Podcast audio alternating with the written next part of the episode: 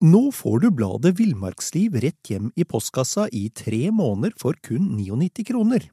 I Villmarksliv kan du lese om norsk natur, ærlige tester av klær og utstyr, og mange gode turtips skrevet av erfarne friluftsfolk, fiskere og jegere. Send SMS VILL36 til 2205 og motta bladet allerede neste uke. Lev livet villere med bladet Villmarksliv. Planning for your next trip? Elevate your travel style with Quince. Quince has all the jet setting essentials you'll want for your next getaway, like European linen, premium luggage options, buttery soft Italian leather bags, and so much more. And is all priced at 50 to 80% less than similar brands. Plus, Quince only works with factories that use safe and ethical manufacturing practices. Pack your bags with high-quality essentials you'll be wearing for vacations to come with Quince. Go to quince.com slash pack for free shipping and 365-day returns.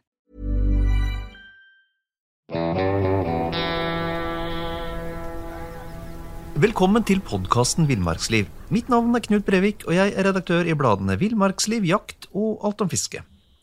I dag er vi på besøk hos uh, filmprodusenten, naturfotografen, forfatteren, politikeren og naturverneren Arne Nævra. Det ble, ble det mye? ja, dette er mye fint på en gang. Jeg skal se om det var noe du mangla der. Jeg tror jeg tror rakk over det meste. ja, det er bra. Um, i russisk Arktis var du en gang omgitt av eh, et sted mellom 10 og 20 isbjørner, i ukevis kun bevæpna med en lang stokk. Det skal vi komme litt tilbake til, men, men aller først, Arne, når starta din interesse for dyr og natur? Eh, jeg hadde jo en sånn vanlig som vi kaller gutteinteresse, som alle andre. holdt Jeg på å si, og jeg er født på en gård mellom eh, Hokksund og Vestfossen i Øvre Eiker. Og gikk jo liksom elvelangs der, da. ikke sant? Lagde flåter, og vi ja, Vi kikka på fugl, og vi liksom eh, Jeg var jo opptatt av det som veldig mange er opptatt av. Eh, kikka etter fuglereir, og det var liksom sånn det var. Men eh, det er veldig mye tilfeldigheter. vet du. Husk på det at eh, Jeg fikk jo da den første kikkerten min, en brukt Omega-kikkert, husker jeg, ikke sant, i jul en gang. Eh, jeg fikk jo mer og mer interesse for fugl. Det var gjennom der liksom mye interesse ble skapt. da. Uh, fikk den første fugleboka mi, ikke sant, som er gjennomlest. Du skal se en eksempel på den etterpå. Uh, og uh, etter hvert da så, um, så så jeg jo jeg på naturprogrammet på TV. ikke sant? Jeg så jo Sverre Fjelstad var jo der med Naturmagasinet sitt. vi hadde også Per Hafslund, da, som hadde mer på nært hold ikke sant, i studio. Jan Lindblad kom plystrende inn i norske hjem. ikke sant, og Altså, jeg var ute på Pløksla kanskje med traktoren og gjorde jobben min, jeg og luka på åkeren, men jeg måtte jo løpe inn til Naturmagasinet og disse andre naturprogrammene som gikk, på den eneste kanalen som var, og det var jo NRK, da. Så jeg sa til meg sjøl allerede da jeg var rundt ja, 13 år, tenker jeg, 14 år, at jeg skal bli profesjonell naturfilmskaper. da, Det var liksom ikke småtteri heller.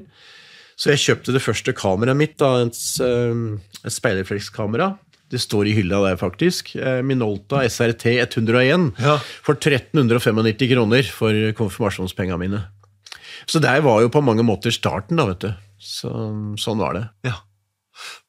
Bare sånn som når Du altså du har jo hatt en, en vanvittig karriere og er blitt i levende live en, en, en, legende, nærmest. Som, så du ser i, i, i bakspeilet eh, er, er, det, er det en beslutning du ville gjort i dag også? Det å velge å leve av ja, altså det, det, hadde jeg vel gjort. Jeg kan ikke se liksom en annen vei, egentlig. For det, det var så, så, så sterkt å liksom prøve å komme i gang, da, sånn som eh, de andre eh, forbildene hadde gjort før meg. Det var jo også mange navn der. vet du. Det var Mattis Kverne, det var Ragnar Friesly, Kjell Søgaard. Eh, mange navn, men det var ingen som hadde drevet det veldig, veldig langt. Eh, etter hvert som jeg også kom inn i BBC-miljøet, så var det jo sånn at eh, jeg skjønte at vi kunne drive det langt i Norge òg. Så jeg prøvde jo å øke ambisjonene etter hvert, da, ganske mye. Men du veit, det er tøft å leve i et frilansmiljø i Norge. Én ting er det kunstneriske. ikke sant? Alle kunstnere, eller veldig mange, sliter jo. Uh, og i tillegg da skal du jobbe med et felt som uh, Ja, ikke sant, med ville dyr uh, i Norge. Hvor det er tross alt vært jaktseleksjon fra Lindesnes til Nordkapp. Det betyr at alle de kreka du skal filme, er skye. Altså de er Alle tillitsfulle gener er luka ut i utgangspunktet. Og de vil jo ikke ha noe av deg. De, eh, enten så kjenner de lukta av deg, eller de ser deg, eller kanskje har de til og med hørt ryktene om deg, så de stikker før du kommer. Så dette her er en veldig hard oppgave, og at Motel skal leve av å lage dyrehistorier, det er, det er tøft, det, altså. Men, men, men du, du, sier at du, du som 13-åring så tok du den beslutningen, men når omtrent var det du så potensialet? Du, du nevner jo selv BBC. Når var det du så potensialet? Altså, dette her er det mulig å gjøre bedre enn det som er gjort inntil nå? Nei, altså du eh, Det vi så, det var jo at um, nesten alle filmer, naturfilmer i sin tid ble filma stumt. Uh, vi hadde jo også veldig bråkete kameraer, ikke sant? den der boleksen som skulle sveives opp. ikke sant? Så du skremte jo vannet av sky hjortevilt, f.eks. Og, og for ikke å snakke om rovdyr. altså Det var jo ingen ville rovdyr i Norge som ble filma overhodet. Det ble filma i dyreparker og sånne ting. ikke sant? Sånn at det var veldig krevende. Så vi måtte ha utstyr som var ganske stille, og så måtte vi prøve å få opp lyd samtidig. ikke sant? Prøv også å filme en tiurleik uten at det er synk-lyd. Altså, det er et helvete å ettersynkronisere en tiur som spiller. Så etter hvert så, så, økte vi ambisjonene på det her, da, vet du, sånn at, vi, at folk fikk eh, holdt på å si full service inn i stua. Med, og jeg Altså, Det gikk jo skritt for skritt. Jeg fikk jo offentlig støtte, delvis kort, norsk kortfilmstøtte, som det het den gangen. Uh, hjalp jo en god del, men du veit, det var, det var uh, Ja, det var, jeg var vel 40 år før jeg syns jeg kom litt overpå. Ok. Ja, ja, det var ikke noe, noen dans på roser, det der. Men, men, men, men, du filmer altså eh, I utgangspunktet så har du jo da hatt en, en, en veldig levende interesse for, for natur og dyreliv. Øh, åpenbart vært mye ute. Du har jo filma selv, du har klippa selv, du har liksom gjort, gjort alt. Er du, er du selvlært uh, i sin helhet, eller har du noe formell Jeg har jo biologisk bakgrunn, og jeg fant jo ut veldig tidlig at uh, det beste måten kanskje å få en bakgrunn på, det er å i hvert fall gå biologiens vei. da, Så jeg kjenner liksom dyra og, og den biten der. Og så har jeg tatt en hel haug med sånne kurs og lest meg opp på filmsida. Eh, sånn at, eh, og veldig nysgjerrig ved å studere andres filmer. Da. Så du kan si at eh, det er den, det er den formelle bakgrunnen min.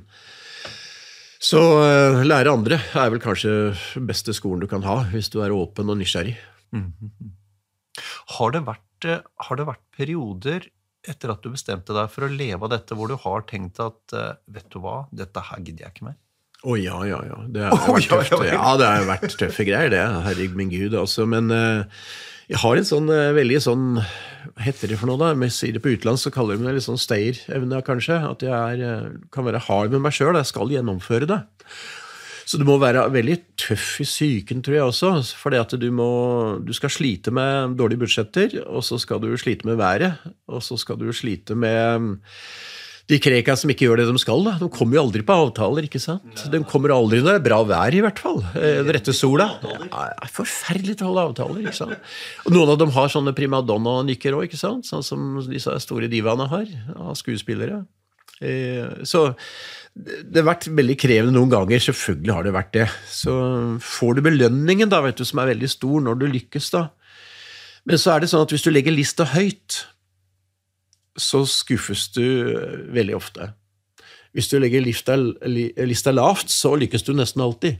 Så det kommer an på hvor du legger lista hen. Og når vi da f.eks. i den store serien, da, Norske naturperler, hadde som ambisjon å puste BBC i nakken på hvert fall mange av sekvensene, mm. så er det klart da ber du om trøbbel. Altså, du, det nytter ikke også å vise ei bevegelig bildebok lenger. vet du. Det, det holder ikke et sekund. Du må altså ha historier å fortelle.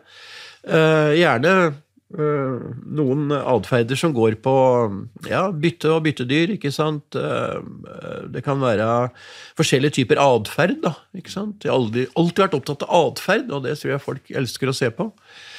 Og da nytter det ikke sånn som en jeger. ikke sant? Det skal ha tre sekunders reint skudd. Mm. Ikke sant? Mm. Men jeg skal filler'n meg ha elgen til å gjøre noe, jeg. Elgen han skal grave groper, han skal pisse i dem, legge seg i dem. ikke sant?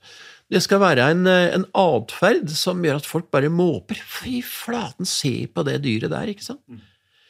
Så det har også ført til at jeg har brukt uh, disse atferdsbildene også faktisk til å prøve å påvirke norsk forvaltning, f.eks. For mm. Så det er noe vi kan uh, gjerne snakke om. Mm. Men, men, du nevner BBC. Det, det, er på en måte de som er, har vært ledestjernen når det gjelder naturfilm? Ja, vi må nok si det. Bristol på vestsida av, eh, av, England har jo vært arnested på mange måter. Eh, og alle kjenner jo David Attenborough nå, og det er jo en av verdens mest kjente personer på TV-sida, det må vi jo si. Så det har altså Natural History Uniten i BBC har vært førende. Selv om vi har hatt altså National Geographic, eh, hatt noen amerikanske miljøer, noen australske osv., men østerrikske. Men der BBC har på en måte vært nøkkelen. Mm. Så, og vi har jo hatt veldig mye samarbeid med dem også i NRK. da. Altså, vi skal jo snakke litt om eh, Du har jo over 100, 100 produksjoner eh, på CV-en din, men vi skal snakke litt, litt mer om, om, serien Norske naturperler. Eh, aldeles, aldeles fantastisk, spør du meg. Og den, det var jo en serie som du og Torgeir Bech Lande laget for, for, NRK. Sendt første gang 2014. Um, tok tre år, og jeg har skjønt at det ikke var noe glamorøst liv. Eh, kan du si litt om, om, om den produksjonsprosessen? Altså bare For å ta noen eksempler, da, så er det jo sånn at uh, både Torgeir og jeg uh, vi elsker å fyre bål. Altså kjenner lukta av Tyri. Vi gjør jo det. Ja. Vi elsker å fiske. Ja ja, sportsfiske. Det var ikke én gang i løpet av de tre opptaksåra at vi kunne fyre opp et bål eller fiske uten at det var en del av programmet. Altså, Vi hadde ikke tid til det. Vi måtte halse videre til neste liksom, stunt. da. Så vi må ikke, det er som vi pleier å si, vi må ikke forveksle naturfilmopptak, altså ja, den veldig sånn seriøse eh, typen, med friluftsliv. Det er forskjellige ting. Mm. Uh, så dette er et yrke som krever veldig mye, og som, uh, som gjør at du Friluftsliv får du ha i fritida hvis du har noe. Så det, sånn er det. Så det forteller veldig mye om den halsinga som ofte er. da, vet du ikke sant? Det starta jo også med 2011, hvor det regna stort sett hele sommeren. Uh, vi måtte starte i 2011 fordi at uh, vi kasta oss inn i det før budsjettene var klare også, fordi da var det smågnagerår. Mm. Og uh, når det er lemenår i fjellet, da må du pinadø Da må du være der, altså, for da skjer det så mye spennende at da starter jo næringskjeder som er fantastisk interessante. Og på toppen av det så fikk jeg oppleve noe som jeg hadde drømt om hele livet. Tenk på det, jeg hadde sett svart-hvitt-bilder av det. Edvard K. Barth på Hardangervidda. Gunnar Lid sine bilder, ikke sant? Snøugla slo til. Tenk deg det, Harry Potter-ugla var ikke død! Nei. Det var altså over 40 Nå får jeg frysninger, kjenner jeg, opp etter armene. Over 40 hekkinger i Troms, og særlig Finnmark. Tenk deg det. Og da jeg kom, da, da lå um, han kollegaen min i NRK, da, Hans Christian Alsvik, han lå veldig skral. Det var ganske rett før han uh, døde. Uh, og da kom jeg inn til han, husker jeg, på rommet der. Og, og istedenfor å snakke sjukdom, så gikk jeg bort til han og så sa jeg det at um, Veit du hva, Hans Christian? Hva jeg opplevde i Finnmark? Du vil ikke tru det! Jeg var på en vokste, ikke sant, og så fortalte jeg dette her, vet du, og det var akkurat som det kom nytt liv i denne mannen. Og det var det jo også for meg. altså Det var fantastisk. Så det var jo noen sånne høydepunkter. da. Så vi fikk jo med da det enorme hva skal vi si, evenementet, da, eller den begivenheten, at snøgla slo til igjen. Mm. Den hadde vært borte i mange tiår i Norge. ikke sant? Mm. Og Det er da du begynner å, å, lure. liksom, Hva er det som skjer? når du, altså, ikke sant? Det er så morsomt, Jeg driver jo med en slags sånn Big Brothers dyneløfting av familielivet ikke sant? Inn i, eh, inn i disse her Krekas liv. Blant annet da med Vi hadde jo tre-fire kameraer rundt eh, med fjernstyring og alt mulig sånt nå. Og, vi, og da tenkte jeg på Midt når jeg satt i den lille hybelen min, eh, denne doghousen, den kamuflasjeteltet, og så tenkte jeg åssen i himmelens navn veit denne snugla her, som kommer kanskje fire tidssoner østfra, fra, fra Taimyr-området eller noe sånt nå i Russland, at det er smågnagerår i Finnmark? Ikke har de internett, Facebook, Instagram, ingenting. Dette veit de. Det må jo være noen spioner ute der. Hva tenker du? Nei, jeg tror vel at det er eh, De har vel hele tida eh, speider ute, vil jeg tro. Eh, og det må være flere. For noe kommunikasjon sånn gjennom lufta har jeg vel liten tro på, annet enn gjennom vinger. Det viser seg med merking seinere at de, de, flyr veldig langt, da, begge veier. Så, men uansett, det var veldig veldig sterkt å oppleve det der. Mm. Men jeg tenker, du, du nevnte det jo for, en, for, et par minutter siden. så nevnte jo du, det, er ikke, det er ikke godt nok lenger å bare presentere et levende bilde av et dyr. Det må være en dramaturgi i tillegg. Ja da. Um, og nå skulle, dere altså, nå skulle dere altså i denne serien heve lista ytterligere. Dere skulle levere det ypperste som hadde vært gjort. Um, dere har ikke gjort det lett for dere selv heller? Nei, altså vi kunne jo ha gjort eh, prøvd å få en vri som er vanlig, da. Og det er jo å dyrke de norske friluftsinteressene. Mm. Altså det vil si, da skal du padle, du skal fyre bål, eh, du skal fiske. Ikke sant? Folk elsker det. Mm. Men det er andre som gjør. Eh, men det er ikke mange som jobber med ville dyr, altså med atferd osv. Og, så og da lager du jo litt sånn ris til egen bak, da. Ikke sant? Så sånn er det jo. Men jeg skulle jo ønske da at Altså NRK har jo tatt et ansvar for uh, allmennkringkastingas ansvar da, i mange år. Uh, de har hatt faste sendeflater på Ut i naturen, som mange kjenner.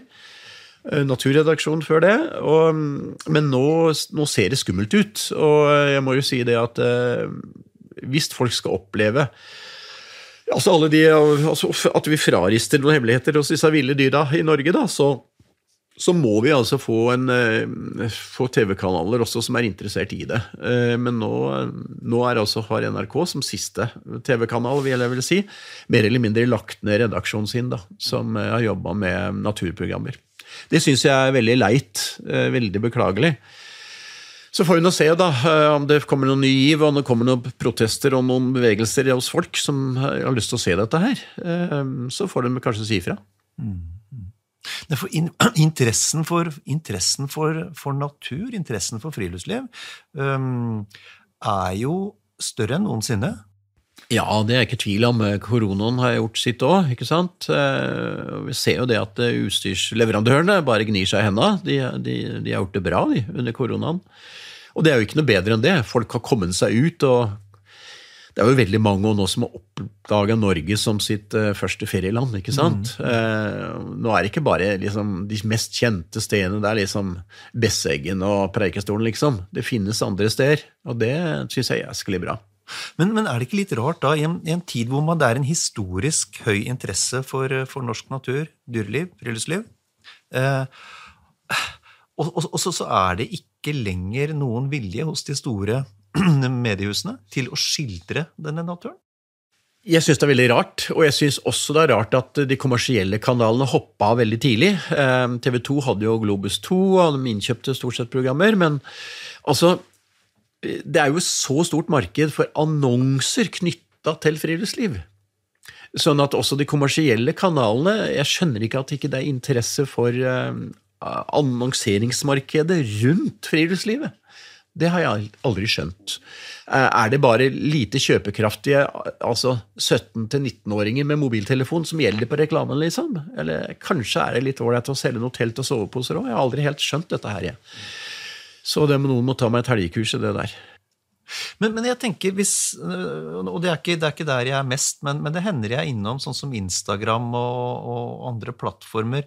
Og man ser jo mye natur der også, men um, det er min refleksjon. Uh, er at der er det menneskene som er i forgrunn, mens naturen brukes som en kulisse. Ja, og dyrelivet som en kulisse, egentlig. Og, og det er vel en sånn endring i måten å se på natur på, er det ikke det? Jeg veit ikke. Vi har vel alltid ønska på en eller annen måte å være vår egen redaktør, sånn som de sosiale plattformene er. Nå kan man jo få inn flotte liksom, sine egne bilder, sin egen tekst. Og, altså Man kan produsere noe som man aldri har gjort før. Og Vi ønsker vel på mange måter framstå ålreit, og vi ønsker vel å skryte av oss sjøl. Og det er vel egentlig det mye av disse plattformene dreier seg om. Det er å skryte av at du har vært der og gjort det. ikke sant? Eh, så Derfor så er det jo en ganske relativt mange selfier for å si det sånn da, med naturen som kulisser. Men man skal ikke glemme at det er veldig veldig stor dyreinteresse i Norge òg. Og det kan du se bare på hundehold, kattehold. ikke sant? Hva er det som dominerer mye på nettet? Kattevideoer, hundevideoer, ikke sant? ekorner som, altså, altså Alt dette her som er dyr på nært hold, mm. det er folk opptatt av. Eh, og jeg syns nok det at um, det burde reflekteres i større ønske om dyreprogrammer også, av norsk natur. Mm. Men legg merke til at BBC og de store TV-kanalene internasjonalt de lager nesten ingenting fra Norden og Norge. Hvorfor ikke det? Ja, det er jo selvfølgelig for det er utrolig krevende. Det er så krevende at du du kan ikke sitte i en jepp på Serengeti ikke sant, og kjøre rundt og se at det er jo løver der, og det er sjiraffer der, og attpåtil så dreper de hverandre foran kamera. ikke sant? Mm. Og det er dramatikk, og det er skjønnhet og soloppganger og solnedganger filma fra, fra, en Land Rover. ikke sant? Men det kan du ikke gjøre i Norge. Du kan rett og slett ikke gjøre det. Og i hvert fall ikke når vi ikke har en sabla nasjonalpark engang, hvor alt kan være som før. Altså, Vi har jo ikke det. Altså, Det er jakt pinadø i alle nasjonalparker også. Og det er sau i nesten alle nasjonalparker, ikke sant? eller noe annet beitedyr. Så vi har ingen nesten uberørte fluelorter på kartet. Hvor jeg kan ta med ungene og si at sånn skal elgen egentlig se ut. Jeg må peke på skiltet langs veien. Ja. Sånn ser egentlig en elgokse ut. Du får ikke reist et sted i Norge for å se på en ordentlig elgokse. Glem det! Alstenøya for eksempel, og noen øyer i Nord-Norge hadde de anledningene til å bli den store elgøya, eller ikke sant, natur. Tenk bare på hvilken uh, reisemål det kunne vært. Mm. Internasjonalt, uh, også for nordmenn. Komme dit og se det. Nei, det begynte å bli litt mye elg, skjønner du, og det var litt mye nede på beitemarker og sånt noe der. Ja. Så halverte hun bestanden bare med et smell eh, et år. Så jeg syns det er litt leit. Altså det er dette med mm, naturbasert reiseliv er en veldig veldig stor nisje nå eh, internasjonalt. Eh, og Norge har ikke skjønt det potensialet ennå. Mm. Så det er bare det kommersielle sida av det. Men opplevelsene og liksom ansvaret for at vi kanskje kunne ha noe helt uberørt natur, intakt natur, om ikke annet så i hvert fall noen utvalgte plasser noen få som jeg sier, fluorter på kartet som, eh, som, som, hadde fått lov til å være i fred, mm. for å si det sånn. Det har vi ikke. Arne, vi må litt tilbake til, eh, til, eh, til serien ved Norske naturperler. Um, hadde, det, altså, vi, vi, snakket tre år med, med, med knallhard jobbing her. Um, dere brukte droner, dere fikk utvikla et amfibiefartøy ja, eh, som filma både over og under vann. Dere utvikla kamera som kunne betjenes på var det en kilometer. Ja, da. Um, altså, Vi måtte jo alltid være i forkant av utviklinga, og det har jeg prøvd sjøl også. Uh, lenge før uh, vi, lagde de store seriene. Uh, så du kan si at mye av det lærte vi jo fra BBC-miljøet. Altså, De var jo tidlig ute, men også Oxford Scientific Films og flere andre i England var langt framme på det her. Jeg begynte jo med fjernstyrte helikoptre med bensinmotor ikke sant, på 80-tallet. Jeg hadde fjernstyrte fly på 2,5 meters bredde med 16 mm kamera foran. Stort sett så endte det med havari, og jeg kom jo inn til Oslo med noe kamera igjen bærer på seg, ikke sant, som i forskjellige deler, gang etter gang. Så nå har vi fått verktøy som er bare helt absurd. altså. Det er fantastisk. ikke sant? Vi har ikke vibrasjoner, det går, det sklir. altså helt, Det er et eventyr. Så, og når du er i forkant av utviklinga, så går det på noe smeller hele tida. Men for at det skal bli lagt merke til, så må du helst være i forkant. da. Så, og det prøvde jeg å være hele tida. Så vi hadde jo en seks, sju, åtte forskjellige kameraer med oss bestandig, med forskjellige øh, valører og forskjellige egenskaper. Da. Men så til sjuende og sist så er det som en snekker. altså du, Det er eh, hammeren, saga. Eh, det er det, det, er det, hånd, det, det, det verktøyet som liksom vi stoler på, det er den store Vi kalte det for storeslegga. Storeslegga er hovedkamera med et kjempeobjektiv på, 40 gangers objektiv på. det det hadde vi to sett av som gikk i hele tida. Mm. Det var liksom eh, vårt standardutstyr. Mm. Og da er det å bare holde seg skjult og ikke bli lukta og ikke bli sett. ikke sant? Eh, og så håpe på det beste, og så håpe å fravise noen hemmeligheter. da. Det er liksom verktøyet. ja. Uh, og så har jeg hørt at uh, for å få dette verktøyet ut i terrenget, så, så måtte dere drasse på, på, sekker opp mot en 70 kilo. Ja, det var det, det altså, Standardgreiene når vi skal ha disse store slegga pluss stort stativ, ikke sant, så er det veldig fort opp i 40 kilo. Og hvis du går altså i litt sugende myr med vier med 40 kilo, det unner jeg ikke så mange, altså. Det er tøft, for å si det sånn. Eh, men eh, noen ganger under transportetapper, da, inn og ut til basecamp f.eks., så, mm. så var det jo helt oppi det der. Og mm, Seerne så en sånn bakomfilm en gang da, hvor jeg gikk på, rett på trynet i en bekk med de over 70 kilo. Og det var jo, det kunne gått ganske ille, sånn, men det gikk ganske bra, det. altså, Men det var fytti himmelens navn. altså. Det går med en kønnsekk på ryggen.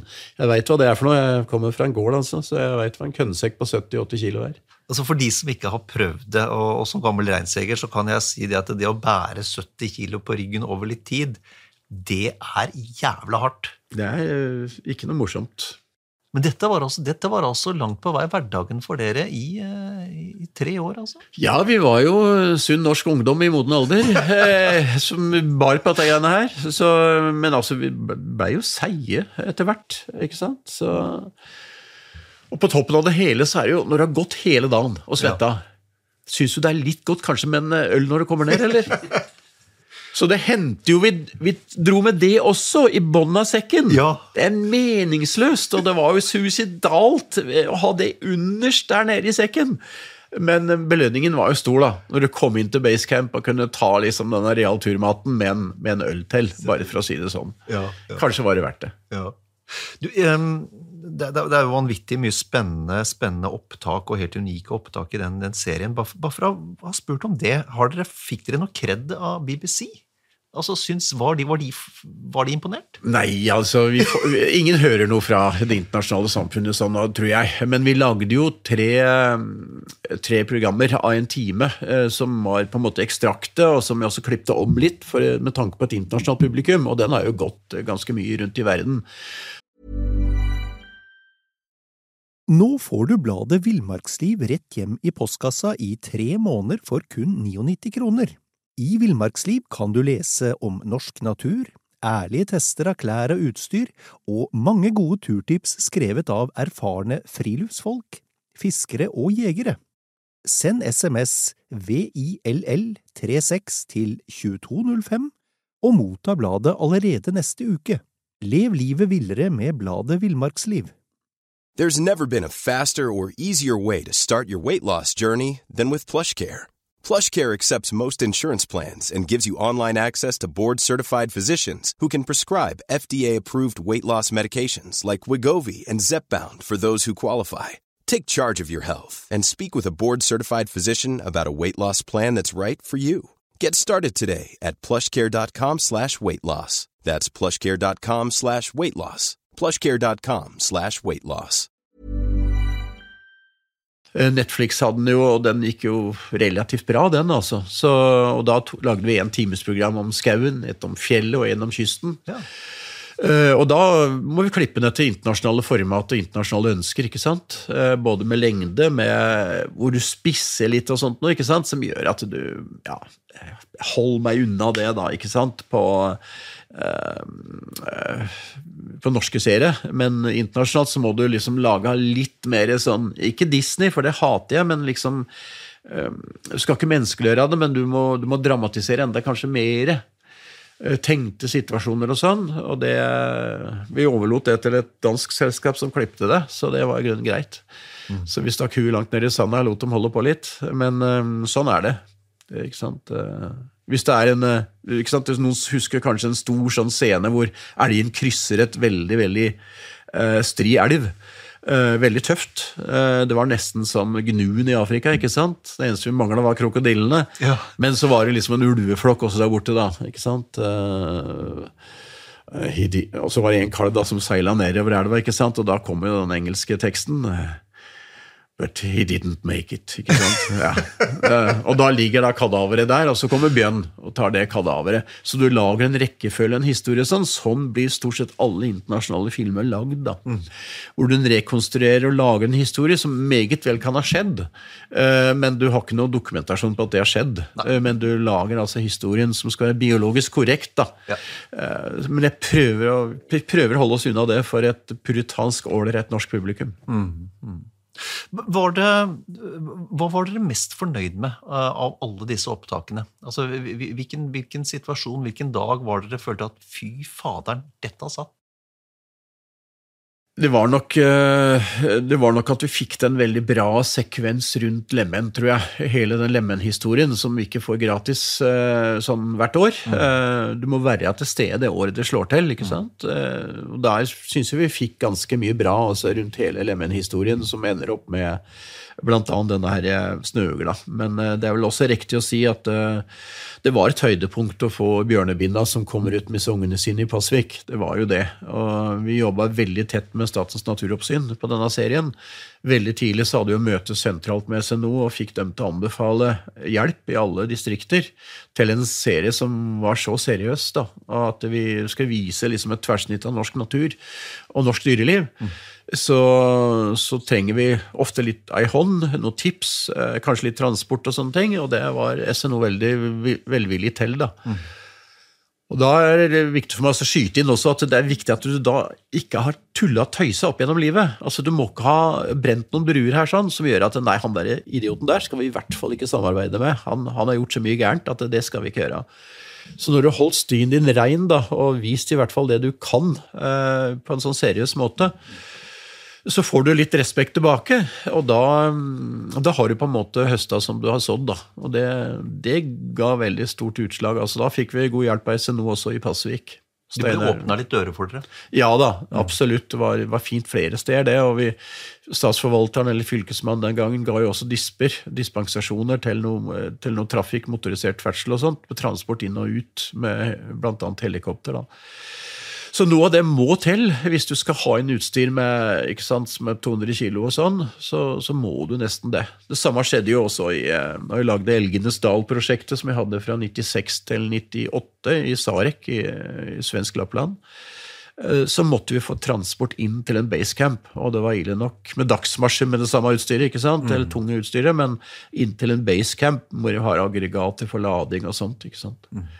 Så hvis du skal jobbe på det nivået her, så er du avhengig av å få dispensasjoner. Og, men eh, jeg syns nok det er viktig at myndighetene sorterer litt om du skal inn med et uh, For å få bilder til en Instagram-konto, eller om du skal satse så seriøst som du, vi prøver på. da. Ja. Men, men fortell, fortell, om Pasvik og, og, og Bjørnebinna som kom ut. Hvor lang tid brukte dere på den sekvensen? Nei, altså dette her, Det som var poenget, var at det kom et tips da, inn til eh, SNO om at eh, en hadde sett eh, et, et, slags høl i snøen eller noe som helt åpenbart rundt ei tue, som kunne vært et, et bjørnehi. Mm. Mye tyda på det, at det var nedsmelta litt sånn rundt der, kanskje fra åndene fra dem. og sånn, sånn at jo, der kan det være muligheter.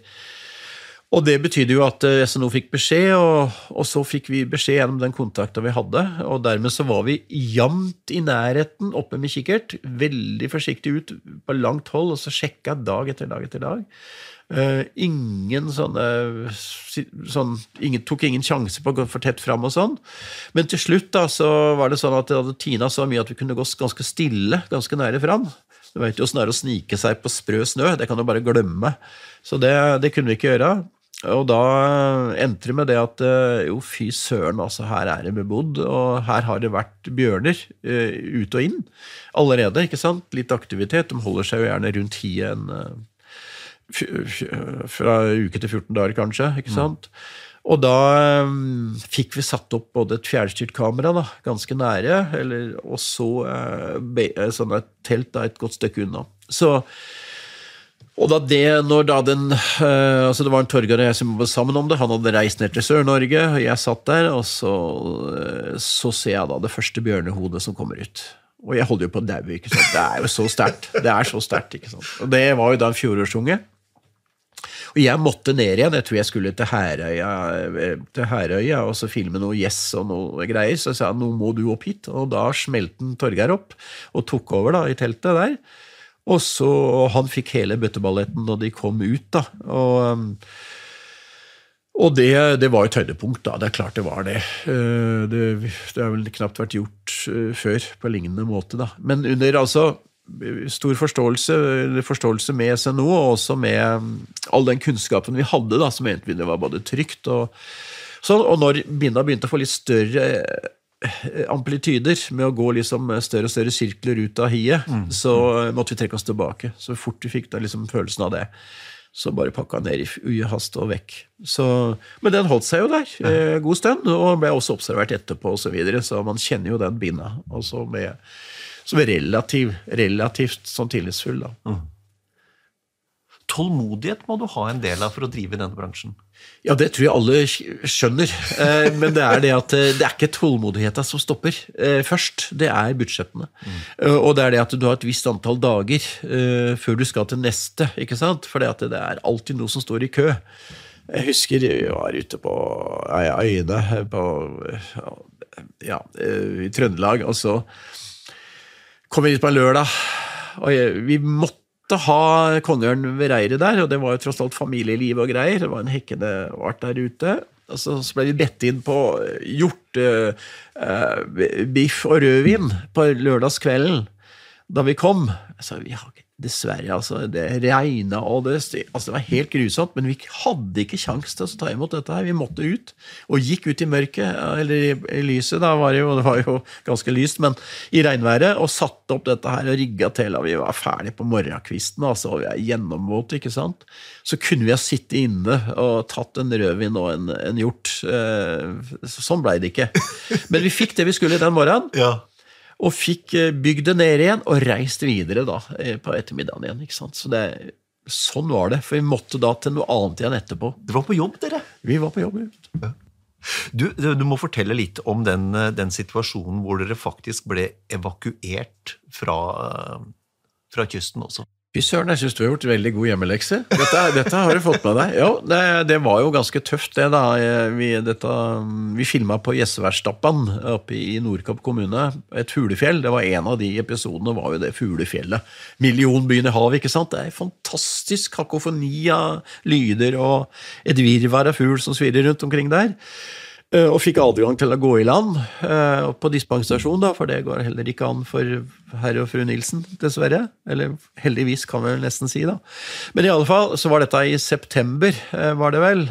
Og da mm, hadde jeg rigga meg til oppe i brattene der for å få oversikt over havsulekolonien, hvor disse ungene skulle jo egentlig ut på sjøen nå. De begynte å bli feite og store. og og da blir de nesten tvinga ut på sjøen. Eh, sulene begynner å slutte, eller slutter å fòre ungene sine, og de er feite nok, liksom. Kom dere ut. Det er stram pedagogikk. Ja, det er litt sånn, eh, ikke sant. Og så hadde han, eh, Torgeir han hadde andre kamera nede på et skjær, eh, ganske stor sånn, sånn holme, da, opp mot havsulekolonien unnatifra.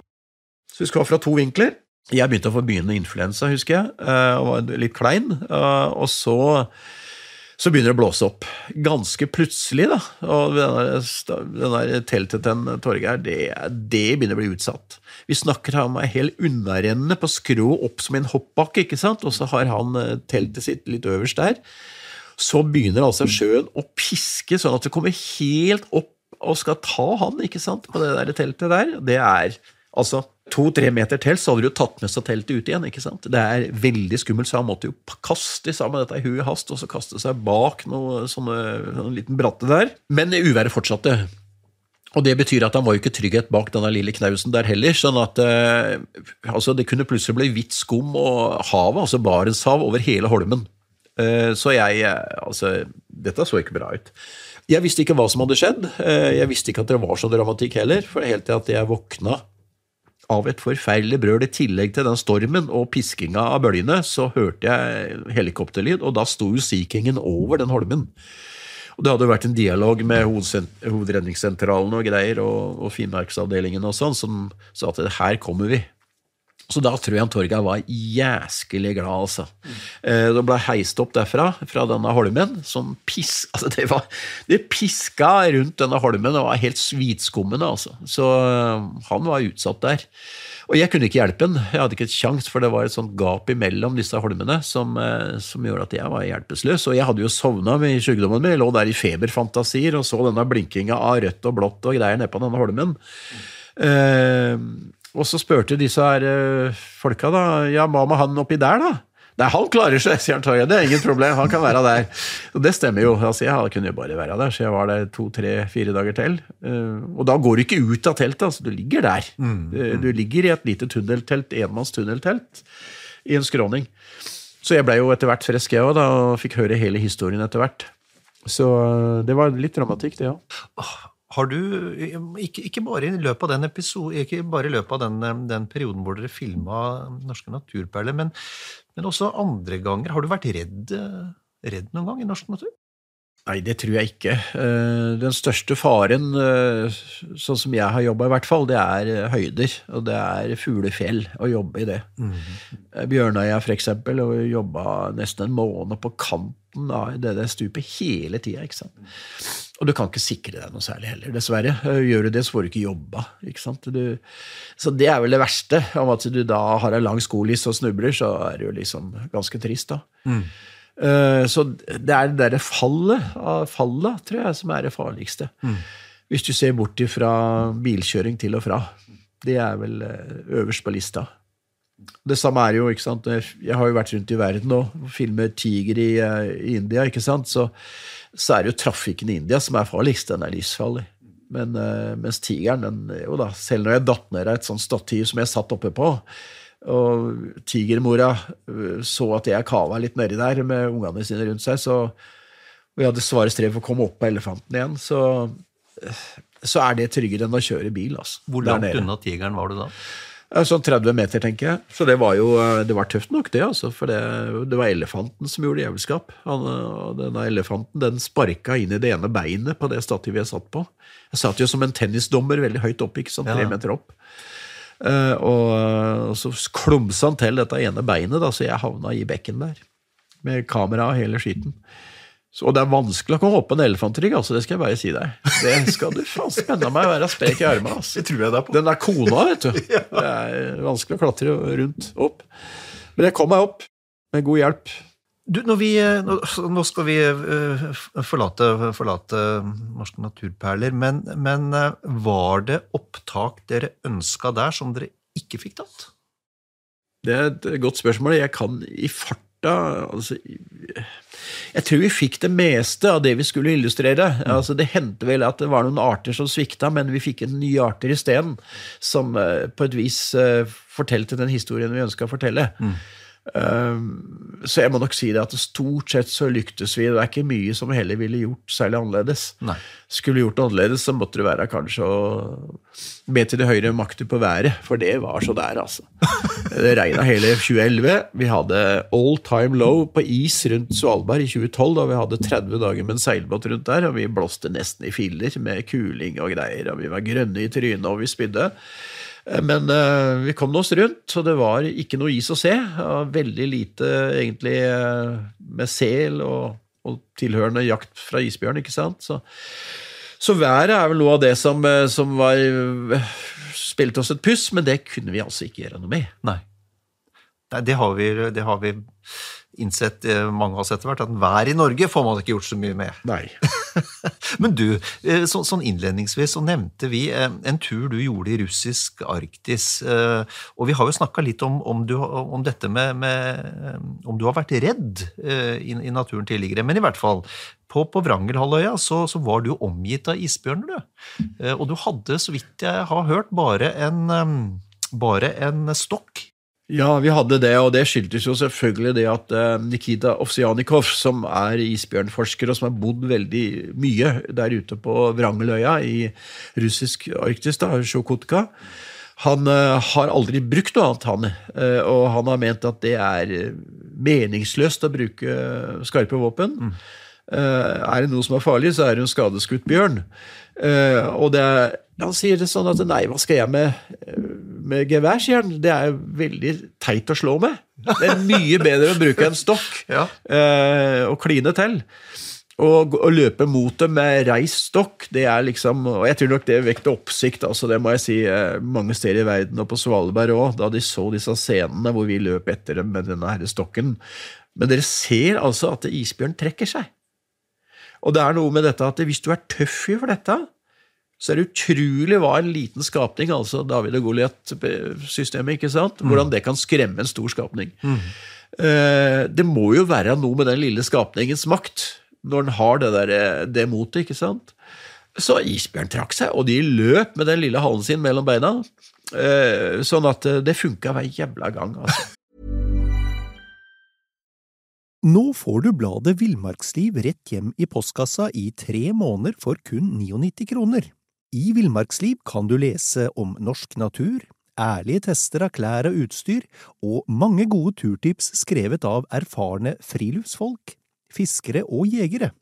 Send SMS VILL36 til 2205 og motta bladet allerede neste uke. Lev livet villere med bladet Villmarksliv. Mom deserves the best, and there's no better place to shop for Mother's Day than Whole Foods Market. They're your destination for unbeatable savings, from premium gifts to show-stopping flowers and irresistible desserts. Start by saving 33% with Prime on all body care and candles. Then get a 15-stem bunch of tulips for just $9.99 each with Prime. Round out Mom's menu with festive rosé, irresistible berry chantilly cake, and more special treats. Come celebrate Mother's Day at Whole Foods Market. Imagine the softest sheets you've ever felt. Now imagine them getting even softer over time. That's what you'll feel with Bowl and Branch's organic cotton sheets. In a recent customer survey, 96% replied that Bowl and Branch sheets get softer with every wash. Start getting your best night's sleep in these sheets that get softer and softer for years to come. Try their sheets with a 30-night guarantee. Plus, get 15% off your first order at bowlandbranch.com. Code BUTTERY. Exclusions apply. See site for details. Skal man si ja, helt til det ikke funker, sier noen. ja. Men, det, Med det altså Mekanismen var helt enestående funka, altså. Det som du kan ha i tillegg, det er, en, eh, det er jo eventuelt en bjørnespray, da, som du har, ikke sant, med sånn pepperspray. Så etter min mening så burde jo det være obligatorisk det på Svalbard. Og tillatt, og tillegg obligatorisk. Å ha en bjørnespray ved siden av hode- hodeputa er viktigere enn å ha en, en svær rifle du ikke kan buksere inn i et telt. Altså. Du har ikke kjangs til å Nei. bruke den i det hele tatt.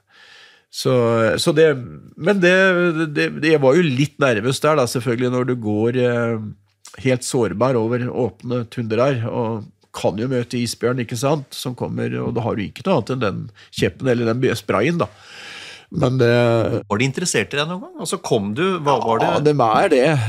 Jeg sto jo i en sånn slags sånn ramme òg, da, så, som var bare noe rakleverk. Som, eh, men jeg markerte med stokken og slo, så, så trakk de seg liksom vekk. Men de er noen svære greier, vet du. Og de er jo glad i mennesker på en helt annen måte enn det vi ønsker, da. Så de kan jo til men med Det er en av de få som kan spise folk, ikke sant. Ja, ja. Jeg, jeg tenker på alle disse opptakene du har gjort uh, gjennom et, gjennom et um, aktivt liv ute, Arne. Altså Opptakene tar jo pusten fra oss. Det er jo situasjoner og en nærhet til dyr som de fleste av oss aldri vil oppleve, selv de av oss som er mye ute. Ja da. Eh, altså Du er ikke redd for at folk blir skuffa når de etter hvert går tur selv? Og de, de kommer aldri til å få oppleve den type nærhet til dyra som du presenterer for dem. Jeg tror nok noen kan bli skuffa, eh, men jeg tror også det at eh, folk bare syns det er kanskje greit at vi viser det de ikke får sett. da. Like gjerne det, at vi snur det på den positive måten. Og, eh, men det som har forundra meg litt, det er nok at, at ikke folk reflekterer over hvorfor det er sånn. Mm. Mm.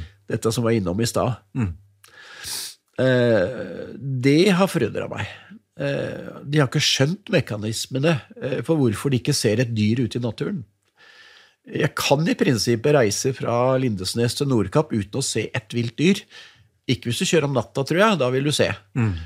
Men kjører på dagtid, i hvert fall, så kan du kjøre faktisk altså enorme strekninger uten å se noe liv i norske skoger. Ingenting.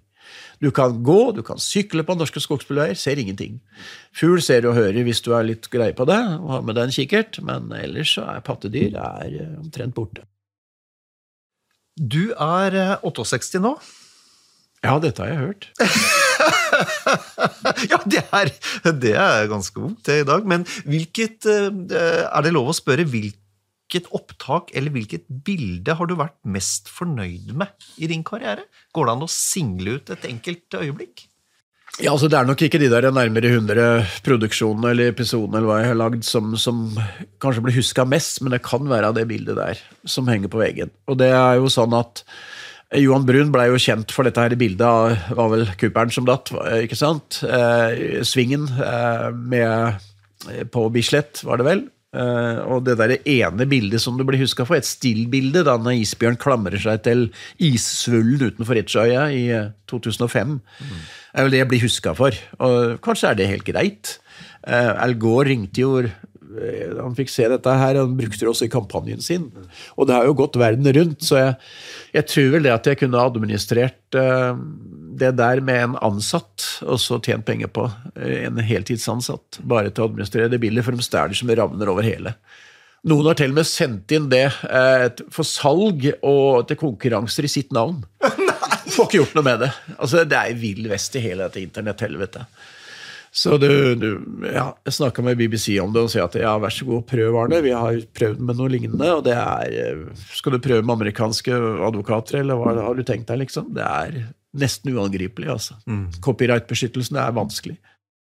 Men, men, men det, er jo, det, er jo, et helt ikonisk bilde, som du sier, med, med isbjørn på en, på en liten uh, isfugl.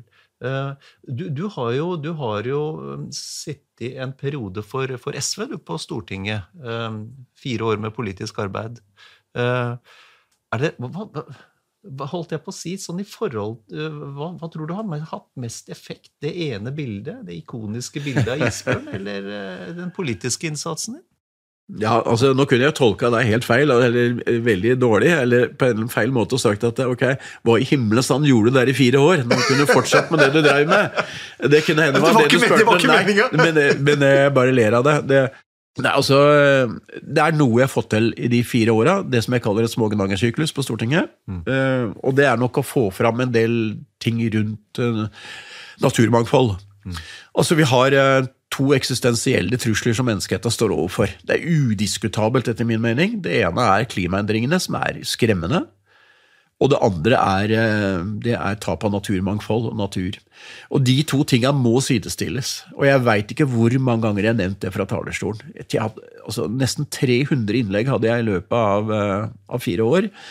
Og jeg kjørte veldig hardt på det. Både internt i programprosessen hos oss, eh, for å virkelig Jeg var en av de store eksponentene mot vindkraft på land, som kanskje mange fikk med seg. Og tap av natur, arealer, ikke sant? nedbygging av arealer, oppdeling av leveområder og sånne ting, det er en enorm trussel. Og vi har jo fått halvert dyrebestanden i verden ikke sant? i løpet av min voksne levetid. Altså Det er katastrofe på gang, også på den sektoren.